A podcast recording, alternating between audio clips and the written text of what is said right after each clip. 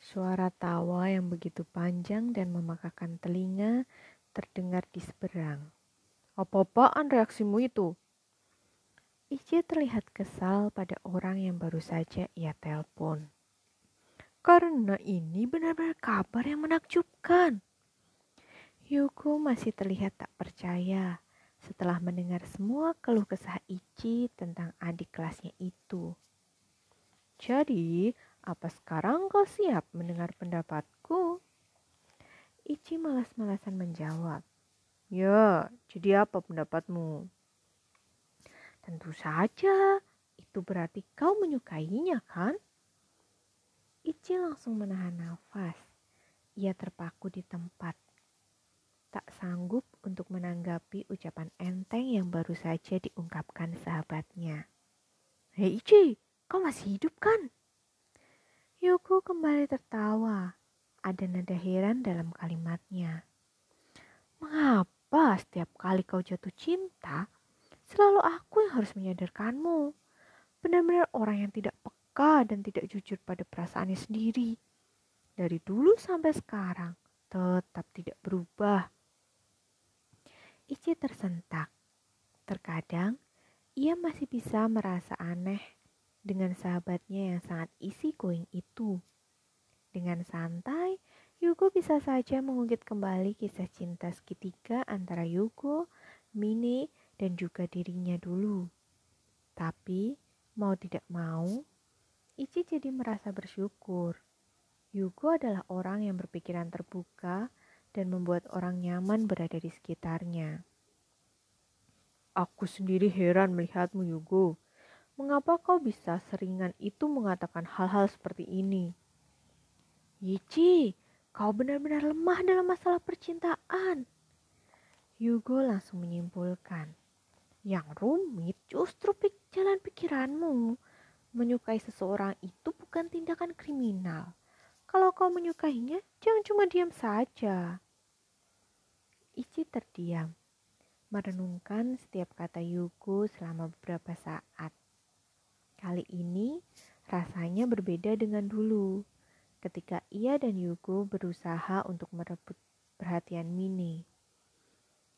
Ichi tidak pernah merasa susah untuk berkomunikasi karena mudah baginya mengetahui apa yang ada di pikiran Mine yang terlihat sangat ekspresif. Namun, tanpa Ichi sadari, perlahan-lahan semua telah berubah seiring berjalannya waktu. Sekarang, rasanya tiada hari tanpa memikirkan seorang gadis yang sangat sulit sebab itu. Gadis yang jarang sekali mengekspresikan perasaan, selalu terlihat tanpa emosi, serta memiliki ritme yang begitu berbeda dari kebanyakan orang. Perempuan yang aneh, tapi juga sangat tulus dan sanggup menarik perhatiannya. Gara-gara gadis itu juga, Ichi sadar bahwa perasaan suka pada cinta pertamanya benar-benar sudah menjadi masa lalu yang hanya cukup untuk dikenang. Namun, sebagai gantinya, sekarang perasaan dan pikiran Ichi telah dikuasai oleh gadis itu sepenuhnya. Perasaan yang tumbuh entah sejak kapan dan ternyata semakin tak tertahankan. Sayangnya, ia tak bisa mengelak lagi. Ichi harus mengakui ia sudah jatuh cinta kepada gadis yang bernama Hinagisawa Kanon. Selamat pagi, Ichi membalas sapaan para kru di studio satu gedung MTV. Ia masih belum melihat sosok Kanon di sana. Tidak begitu mengherankan lagi, karena memang hampir setiap hari gadis itu datang terlambat. Kalau memikirkan tindakan gadis itu yang sering nekat dan ceroboh, sekarang Ichi jadi sedikit tidak bisa tenang. Selamat pagi, Ichi. Tiba-tiba saja Gadis itu sudah berdiri di depannya, menyapa tanpa ekspresi. Tak lupa ditemani sekotak poki di tangan, seperti biasa, kas kanon. Tumben sekali kamu datang tepat waktu dan Ichi berhenti sejenak untuk memperhatikan pakaiannya. Tidak berantakan seperti biasanya. Kamu bilang kalau aku terlambat itu bisa merepotkan Ici dan semua orang. Aku jadi berangkat pagi-pagi dengan penuh persiapan. Hah? Ici otomatis menghela nafas berat. Ia mengeluh dalam hati. Gadis ini benar-benar sekarang ia malah semakin salah paham. Eh? Tiba-tiba saja Ichi mengerutkan kening. Ia sontak mengalihkan pikirannya saat melihat plastik pembungkus yang dibawa Kanon. Meski tidak begitu kelihatan, tapi ia jelas melihat tumpukan baju kotor di dalam situ. Kamu bilang berangkat dengan penuh persiapan. Apa itu maksudnya? Kamu melakukan sesuatu sampai harus berganti baju. Aku tadi bertemu sekelompok sirkus. Hentikan. Ichi memotong ucapannya dengan nada memerintah. Tidak perlu membuat alasan yang aneh. Aku tidak akan bertanya lagi. Tapi, aku sudah pernah bilang kan, jangan memaksakan dirimu. Kanon langsung menundukkan kepala, merasa bersalah karena membohongi Ichi yang benar-benar mengkhawatirkannya. Aku tidak bisa membiarkan anak kecil itu menangis, gumamnya lirih. Ichi langsung tersenyum tipis sedikit terkesima. Akhirnya, ia merasa kanon mulai bisa terbuka kepadanya. Meski cuma sedikit, tapi ia sekarang tahu gadis itu pasti baru saja membantu seseorang saat dalam perjalanan menuju ke sini. Aku mengerti. Ichi dengan lembut menyentuh kepala Kanon. Hanya sesaat, tapi gadis itu bisa merasakan kehangatan yang menjalar di atas kepalanya. Apa kamu tidak bosan makan makanan seperti itu terus? Ichi mengalihkan pembicaraan saat melihat kotak poki. Meski banyak orang yang sudah menyerah untuk memperingatkan kebiasaan makan kanon yang tidak sehat, tapi Ichi masih tidak bisa membiarkan gadis itu begitu saja. Walaupun kamu pernah bilang kamu tidak suka makan, tapi kanon, kebiasaanmu ini bisa merusak tubuhmu sendiri. Ichi seperti ibu. Kanon spontan berkomentar. Ia lalu mengambil lagi sebatang poki dan menggigitnya tanpa menyadari perasaan terguncang laki-laki yang masih bisa memasang wajah cool di depannya itu. Sekarang posisiku malah jadi ibu. Batin Ichi miris. Kanon, bagaimanapun bencinya kamu pada makanan berat, tapi itu sangat berguna. Aku bukannya benci, selah Kanon. Namun suaranya terdengar ragu. Aku hanya tidak suka makan di meja. Apa maksudmu tidak suka makan di me? Mendadak saja Ichi berhenti bertanya. Dulu, saat membaca profil kanon yang diberikan kakeknya, ia seperti diingatkan lagi oleh sesuatu yang mungkin berhubungan dengan masalah ini. Ichi kembali menatap gadis itu. Apa kamu tinggal seorang diri?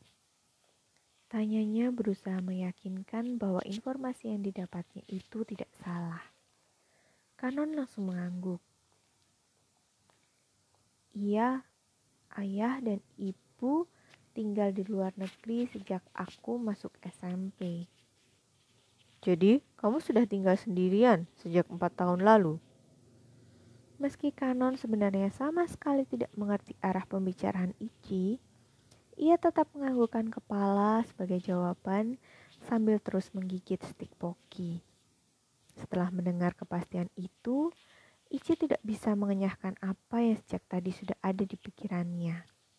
Entah mengapa, rasanya ia bisa mengetahui alasan gadis itu tidak suka makan. Kedengarannya mungkin aneh, tapi Ichi bisa memahami perasaan Kanon. Masih ada waktu. Ichi melihat jam di tangannya, lalu detik berikutnya, tiba-tiba saja ia sudah memegang salah satu pergelangan tangan gadis itu. Ikut aku sekarang. Ke mana? Kanon masih tak bergerak dari tempatnya. Kamu harus menemaniku makan. Setelah perkataan Ichi yang terdengar bagai perintah komandan, laki-laki itu langsung menyeret Kanon keluar dari dalam studio menuju kafetaria di lantai bawah. Mengapa diam saja? Ayo dimakan. Perintah Ichi begitu mereka selesai memesan makanan dan duduk di salah satu meja. Tanpa bertanya pada Kanon, laki-laki itu langsung memesan dua paket menu lengkap untuk mereka berdua. Kanon yang hanya bisa bengong akhirnya pasrah saja. Itadakimasu, Ucapnya sambil mengatupkan kedua tangan, lalu mengambil sumpit yang ada di depannya. Ichi cukup terkejut. Meski Kanom tidak pernah makan di meja makan, gadis itu tidak lupa untuk mengucapkan selamat makan dengan benar. Bahkan, ia bisa memegang sumpitnya dengan baik. Aku sudah lama tidak makan seperti ini, untuk pertama kali Kanon membuka suara. Setelah suapan pertama, tiba-tiba tetesan air mata mengalir perlahan di pipinya. Ia sendiri kaget. Tapi cepat-cepat gadis itu menghapus air matanya, berusaha jangan sampai Ichi melihatnya menangis. Tapi gerakannya langsung tertahan. Ichi ternyata sudah lebih dulu memegang tangannya. Dengan hati-hati, ia menyentuh wajah Kanon, menggantikan gadis itu menghapus air matanya. Kanon yang tidak terbiasa menunjukkan perasaan pada orang lain pun buru-buru menghindari tatapan mata Ichi. Ia merasa sangat kikuk. Maaf. Aku tahu. Laki-laki itu sontak memutus ucapannya. Kamu tidak suka makan di meja seorang diri. Karena itu kamu memilih untuk tidak makan sama sekali. Ichi bukan hanya menebak. Ia seperti mengetahui dengan jelas perasaan gadis itu. Kali ini, Kanon benar-benar takjub. Ia sama sekali tidak menyangka bahwa Ichi bisa tahu tentang hal yang sama sekali tak pernah ia katakan pada siapa pun. Lebih dari itu, Ichi bahkan begitu memahaminya. Perasaan Kanon tidak hanya dipenuhi oleh rasa haru. Ia juga mulai merasakan sebuah debaran saat Ichi menyentuh wajahnya. Dan anehnya, ia tidak membenci itu. Makan seorang diri memang tidak menyenangkan. Perkataan Ichi membuyarkan pikirannya. Begitu lama Kanon terdiam sebelum ia menganggukkan kepala setuju. Iya, kamu benar. Karena itu, aku akan selalu menemanimu. Perkataan tersebut sontak membuat Kanon berhenti mengunyah makanannya. Ia tertegun saat menatap kedua mata abu-abu yang sangat dalam itu. Benar-benar tidak menyangka pada apa yang baru saja Ichi ucapkan kepadanya. Apa maksudmu? Seperti apa yang kubilang? Ichi sepenuhnya memandang Kanon yang terlihat bingung. Sesibuk apa pun waktu makan, aku akan menemanimu. Tapi kita kan tidak bisa bertemu setiap hari. Beberapa hari lagi, jadwal syuting kita bersama juga akan berakhir. Kita pasti akan jarang bertemu. Apa kamu lupa kalau aku senior di sekolahmu? Saat berada di sekolah, aku juga akan menemanimu. Tapi, Kanon kehabisan kata-kata. Ia benar-benar merasa Ichi sudah terlalu baik kepadanya. Meski tidak bisa dipungkiri, ia bahagia. Namun, tetap saja Kanon merasa tidak pantas untuk mendapatkan perhatian sebesar itu dari Ichi. Mengapa Ichi mau melakukan lakukan sejauh ini untukku? Ichi tak langsung menjawab. Ia justru tersenyum tipis. Lelaki berambut abu-abu itu pun kadang masih tak percaya dengan sikapnya sendiri. Padahal, ia sendiri yang sudah memutuskan untuk tidak mau berurusan dengan gadis ini. Tapi ternyata, sekarang semuanya justru berbalik 180 derajat. Kalau menurutmu sendiri, mengapa? Akhirnya, Ichi malah balik bertanya. Tanpa pikir panjang, Kanon otomatis menjawab. Karena Ichi orang baik. Ichi hanya bisa tertawa sarkastik, berusaha menutupi perasaan kesalnya. Aku hanya baik kepadamu, gumamnya pelan. Kanon yang tidak jelas mendengar suara Ichi langsung mengerutkan kening. Kamu barusan bilang apa? Bukan apa-apa. Ichi buru-buru mengalihkan pembicaraan, lalu berkata dengan nada memerintah, Ayo, lanjutkan makanmu. Kamu harus menghabiskan semuanya. Hubungan baik antara Ichi dan Kanon di lokasi syuting sudah menjadi buah bibir di kalangan staf MTV. Ichi yang dingin serta Kanon yang tanpa emosi seperti pandangan yang terasa sedikit kaku, aneh dan mengejutkan bagi mereka. Tapi ternyata itu hanya kesan belaka. Setelah melihat interaksi keduanya, para staf jadi bisa merasakan keduanya benar-benar cocok. Tidak hanya saat berakting, di luar itu mereka juga terlihat serasi. Ichi menjadi lebih sering tersenyum. Ia berubah menjadi sosok yang perhatian dan hangat. Tapi tentu saja semua itu hanya bisa dilihat saat ia berada di samping kanon. Sementara kanon yang lamban dan tanpa emosi ternyata tetap berkat Ichi, ia jadi sering menunjukkan berbagai macam ekspresi dan mulai bisa menunjukkan senyumnya pada orang lain. Hari ini adalah syuting terakhir kita. Terima kasih atas kerja keras kalian semua. Dan mari berpesta. Seru sutradara Seinu. Beliau lalu, menyalami seluruh pemain drama Bokutachi no Unmi dengan senyum merekah. Kanun, kemarilah. Sutradara Seuno memanggil gadis itu. Kanon yang berdiri di samping Ichi langsung mengangguk, lantas berjalan mendekati sutradara yang berdiri beberapa meter dari tempatnya. Ichi masih tak bergerak, tapi pandangan matanya tetap mengikuti gerak-gerik Kanon yang sedang asik mengobrol dengan sang sutradara. Gadis itu lalu tersenyum saat menerima hadiah berupa boneka kucing dari sutradara Seuno. Ichi yang memang terfokus pada kanon, tidak menyadari seorang laki-laki yang berdiri di sampingnya juga terus menatap gadis itu. Kanon memang paling manis saat tersenyum, ya kan Asauka? Tukas Atsushi seraya menepuk pundak Ichi. Laki-laki tersebut merupakan pemain pendukung dalam dorama Bokutachi no Unmi dan merupakan rival Yukihiro dalam memperebutkan Manami.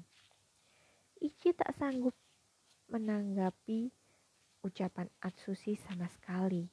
Sebagai gantinya, ia hanya memandang laki-laki itu dalam diam, tajam menusuk. Mau tidak mau, Atsushi spontan menjauhkan diri.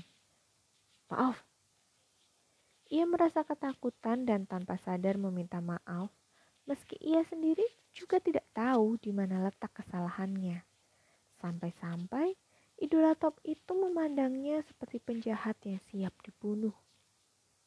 Ichi tak mempedulikan ketakutan yang terlihat sangat jelas di wajah Atsushi. Ia kembali memperhatikan Kanon dengan ekspresi dinginnya. Tapi tidak ada satupun yang tahu bahwa hatinya bergemuruh menahan amarah. Ia sadar, Kanon memang sangat manis. Dalam keadaan diam saja, ia sudah terlihat manis dengan mata coklat mudanya yang berkilau. Apalagi kalau tersenyum. Ia menjadi jauh lebih manis. Mungkin hanya orang-orang yang tidak memiliki mata normal yang tidak menganggap senyum kanon sangat indah. Karena itu pula, akhir-akhir ini, Ichi jadi sering serba salah dan uring-uringan. Sekarang, banyak sekali laki-laki di sekitarnya yang mulai berani mendekati kanon. Ironisnya, gadis itu tidak menolak. Meski kalau boleh dibilang, tidak juga memperhatikan mereka secara khusus. Kecemburuan yang mati-matian Ichi tutupi agar tidak ada satupun orang tersadar adalah keahliannya. Ia pura-pura tenang dan berusaha bersikap profesional sebagai lawan main sekaligus senpai yang baik bagi Kanon. Tidak mau terlihat kekanak-kanakan mungkin adalah penyebab utama baginya untuk menahan perasaan. Apalagi saat ini. Kanon selalu menganggap Ichi sebagai orang baik atau kalau mau dibuat lebih mengenaskan, ia bahkan menganggap Ichi seperti seorang ibu. Sekarang, Ichi sangat sulit untuk melakukan sesuatu. Rasanya, menyatakan cinta di dalam dorama begitu mudah dilakukan, tapi kenyataannya ternyata tidak segampang itu. Mengikuti saran Yuko yang terkesan mudah juga tidak bisa ia lakukan. Ichi adalah orang yang lemah dalam masalah seperti ini. Itu jelas tidak bisa dihindari. Ichi, mengapa bengong sendirian? Suara sutradara Seno mengagetkannya. Apa yang sedang kamu pikirkan? Tidak ada, jawab Ichi sekenanya. Tak mungkin ia menceritakan masalahnya pada sutradara itu. Bisa-bisa ia malah jadi bahan tertawaan. Ichi lalu melayangkan pandangan ke sekeliling.